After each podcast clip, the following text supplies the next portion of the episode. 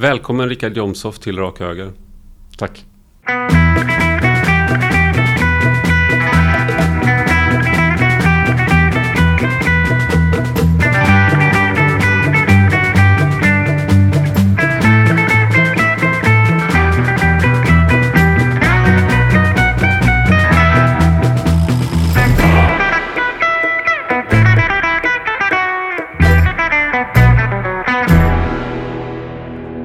Ja, min, eh, jag läste en bok om eh, skogsarbetare för mina barn. Här kommer skogsmaskinerna heter den. Eh, för min yngsta, han älskar ma- maskiner och bilar och sånt. Jag spelar in nu ja. Ja. ja. ja men då var det så här, en skogsarbetare för 100 år sedan. Då gjorde de av med 12 000 kalorier per dag ungefär. Mm. Eh, arbeta med såg och yxa liksom. Sen kom motorsågen för typ Mm. 60 år sedan. Då var det liksom 6 000 kalorier om dagen. Och nu har man ju sådana här skördare. Då sitter du i, i en bil. Och då är det bara liksom Mm. bara vilket kontorsarbete som helst. Eh, och en sån där skördare ersätter typ så här 20 stycken som arbetar med såg och yxa. Men okej, men det är inte så konstigt om folk går upp i vikt Nej. då. Eh, Samtidigt som vi då har, lever i en tid där vi har en, ändå liksom har ett, ett överflöd. ja, Och, och vi kan äta mat. Även om vi inte har ett överflöd så kan vi, maten vi äter kanske inte alltid är det mest hälsosamma. Mycket fett, mycket salt. Eh, saker som, som dåligt för kroppen. mm, Samtidigt som vi då rör oss mindre. Men jag har samma problem, jag har också stillasittande väldigt mycket. Det är ju en del av politiken. Möten, sitta vid datorn. Och nu när jag äntligen har kommit igång med mitt bokprojekt igen så, så har jag också suttit i sommar vid datorn och skrivit. Liksom. ja, vad är det för bokprojekt? Ja, Jag, håller på, jag skriver en bok om islam. Okej, Så att om folk stör sig på en tweet så får de väl vänta tills min bok kommer ut.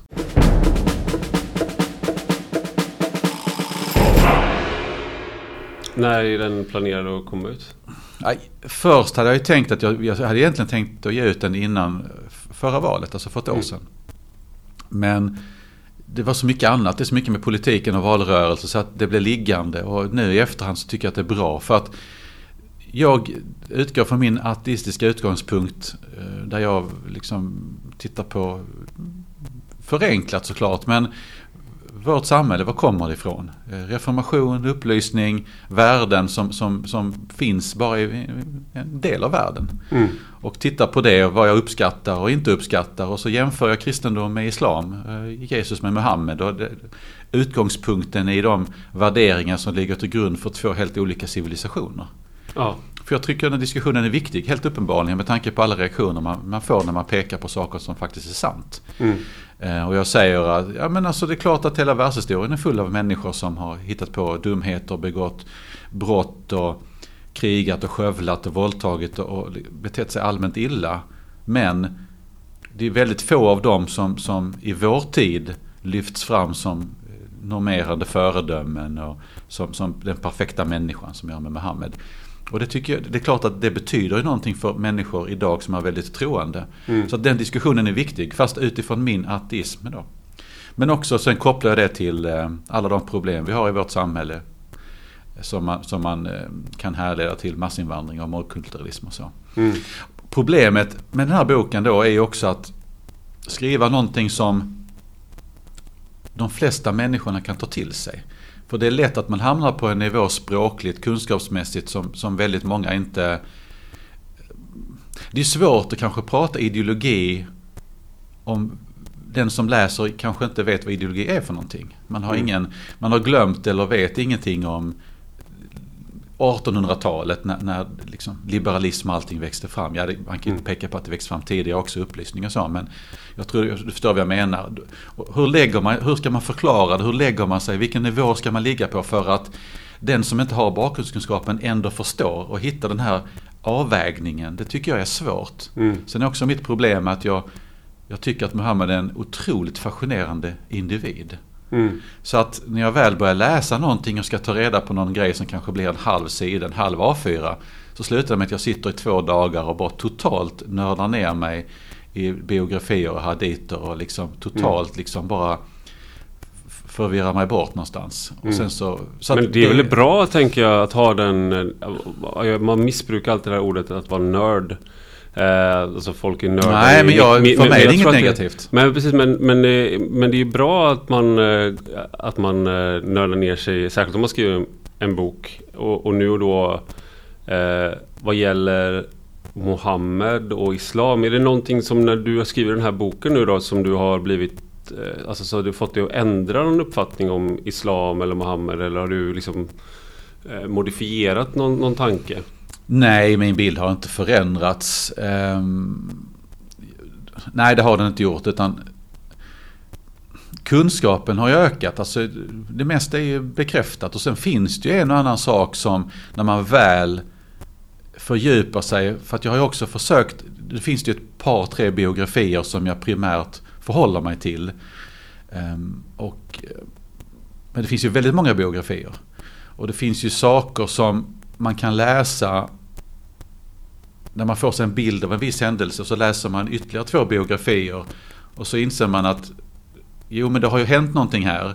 De är överens om händelsen men de beskriver den på olika sätt. Ehm, och därför är det bra att ha den här bredden så att säga. Så att Kanske mer nyanserat men det är inte så att jag har fel i sak. Tvärtom, ju mer man läser, framförallt när man nördar ner sig i haditerna det är framförallt då han Bukhari och någon som heter Sahih Muslim som, som anses vara de två främsta inom sunni när det gäller haditer. Och haditer är, det är ju liksom, det är inte Koranen utan det är det som handlar om Muhammeds Ja men exakt, liv för grunden i av... Islam är ju dels Koranen som, som kommer från Muhammed, som kommer från ärkeängeln Gabriel så att säga. Om man tror på det. Om man tror på det.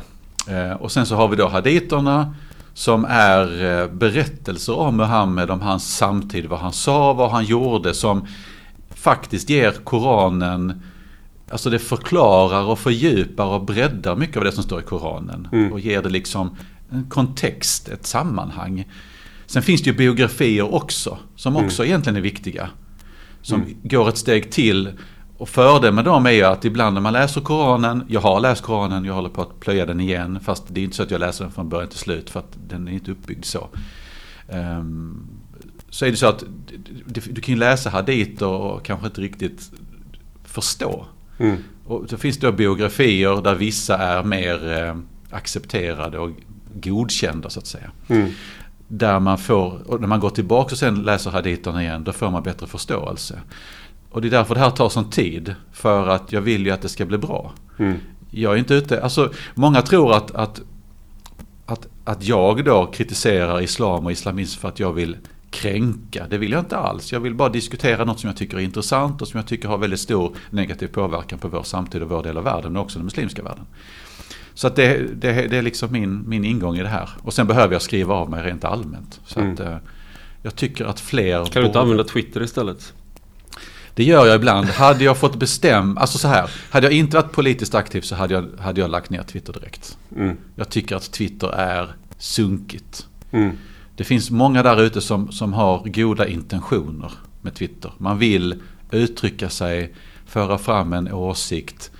Men andelen individer på Twitter från alla möjliga politiska håll och kanter som missbrukar och är oförskämda och hatar och hotar, de är väldigt många. Och det sunkar ner. Och man, alltså, det blir bara sunkigt i mm. de här trådarna. Så att ibland så man har lust att bara ge upp. Liksom. Mm. Men samtidigt så är Twitter är viktigt att, att uppenbarligen får man uppmärksamhet på Twitter. Mm. Och jag har ju själv lärt mig vad man ska skriva för att Alltså jag, allt jag twittrar det, det är genomtänkt.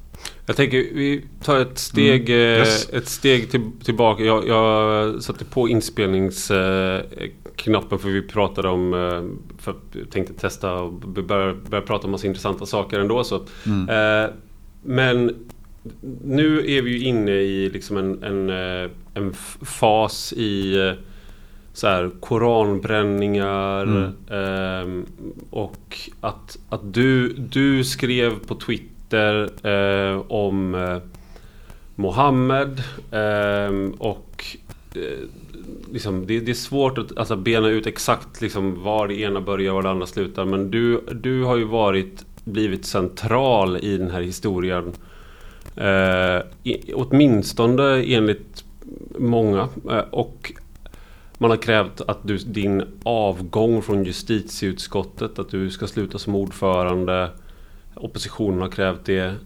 Um, och det du twittrade var liksom, om Mohammed och vem Mm. han var. Och nu, är vi, nu är vi inne på det med boken. Mm. Var det olämpligt? Alltså det, och det här har också varit en diskussion då som återkommit här. Olämpligt, olagligt eh, och sådär. Var det olämpligt att twittra som du gjorde? Eh, Nej. Utan, alltså verkligen inte. Det, intressant, alltså så här, det intressanta i sammanhanget är ju att det här är ju inget, jag har ju alltid haft de här åsikterna åtminstone de senaste 25 åren. Men, men det intressanta är att det här var ju ett svar, vilket sällan framkommer. Det var ett svar på att två höga muslimska företrädare, självutnämnda muslimska företrädare eller vad man nu än vill kalla dem. Eh, men tongivande åtminstone i, det, i, i den gruppen. Som går ut och säger att man, man söker dialog. Och det är liksom inledningen på den här nyhetsartikeln. mm. Och när man läser så, så förstår man att syftet med dialogen är att inskränka och begränsa svensk demokrati och yttrandefrihet. Och det provocerar mig. Och då svarar jag att det är klart att vi kan ha en dialog. Men vi kanske istället ska prata om alla problem som finns inom islam och den muslimska världen med antidemokrati, kvinnofientlighet, eh, våld och allt det här. Men också, när vi ändå är på gång så kanske vi kan prata om den som har grundat allt det här. Som ligger till grund för alla de här problemen. Och då pratar jag om massmördaren, rövaren och så vidare, Muhammed. Slavhandlaren, Ja, krigsherren. ja, dessutom. Och allt går ju att belägga. Så det var ett svar på att de vill inskränka och begränsa. Och det Mm. intressanta här är då att väldigt få har nog ens brytt sig om att läsa artikeln som jag länkar till. Väldigt få har ju brytt sig om att ens kommentera att de här två höga herrarna uppenbarligen vill inskränka och begränsa svensk demokrati och yttrandefrihet. Mm. Och förstår inte att jag medvetet spetsigt ger mig på dem för deras åsikter, för deras ideologiska bakgrund och att de kommer hit till vårt land och vill göra det sämre. Mm. Alltså jag försvarar svensk grundlag, svensk demokrati och svensk yttrandefrihet. Men väldigt få förstår det och bryr sig om, inte ens om det. Utan man ger sig då på mig istället. Och då kan man fråga sig, är det för att man stödjer de här? Tycker man då, som till exempel socialdemokrat, att vi ska begränsa svensk och inskränka svensk demokrati och yttrandefrihet? Eller är man bara lat? Eller är det för att man, man har en stark väljarbas bland den här gruppen människor? Eller vad beror det på? Men, men att sossarna agerar så, det, det kan jag på ett sätt förstå. För att politik, det är vad det är. Och det kan vara rätt smutsigt ibland också. Men att svensk media, ganska okritiskt med få undantag då, hakar på och låter och liksom anamma den diskurs eller det argument, sättet att argumentera som i det här fallet då sossarna och oppositionen. Alltså, jag, jag förstår inte. Alltså jag, där är ju media generellt sett helt ute och reser. Och så vill man då få det till att det skulle vara dåligt att försvara demokratin och yttrandefriheten. Och tycker man inte det så tycker man åtminstone, verkar man tycka att det är åtminstone fel tillfälle att göra det nu. Men hur kan det vara det?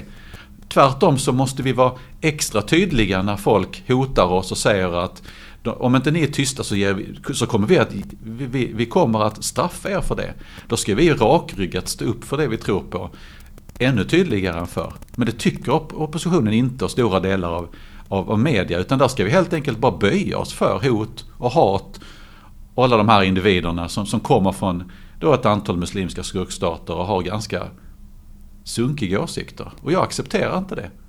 Och det, det man tänker är så här att ja, men, eh, det, det du har sagt är, kommer i kontexten av koranbränningar. Och eh, de här eh, koranbränningarna, det är ju, eh, det här kritiken är ju liksom att det är en eh, vulgär handling där, som inte handlar om kritik av eh, av Koranens budskap. Det handlar inte om eh, kritik av, eh, av Islam utan det är liksom bara en provokation och, och hets.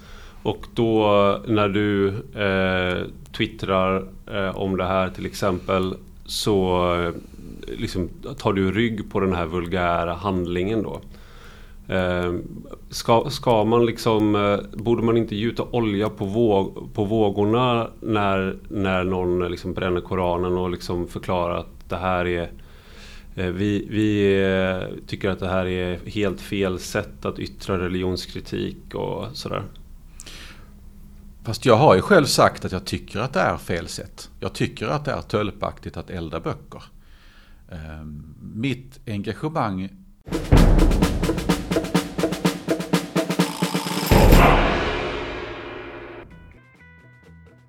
För att lyssna på hela avsnittet behöver du bli betalande prenumerant. Gå in på enrakhoger.se subscribe och välj vilken prenumeration som passar dig bäst. För 5 euro i månaden eller 50 om året får du tillgång till allt material på rak höger. Och som betalande prenumerant så får du även möjlighet att ställa frågor till gäster, kommentera artiklar och poddar samt även läsa texter som ligger bakom betalvägg. Dessutom ingår podden Under all kritik som jag har ihop med Anna-Karin Windham. Och vi på Rak Höger får inget pressstöd. Vi tar inte emot pengar från någon intresseorganisation eller lobbygrupp. Så det är endast tack vare er prenumeranter vi kan fortsätta vara självständiga röster i en konform samtid.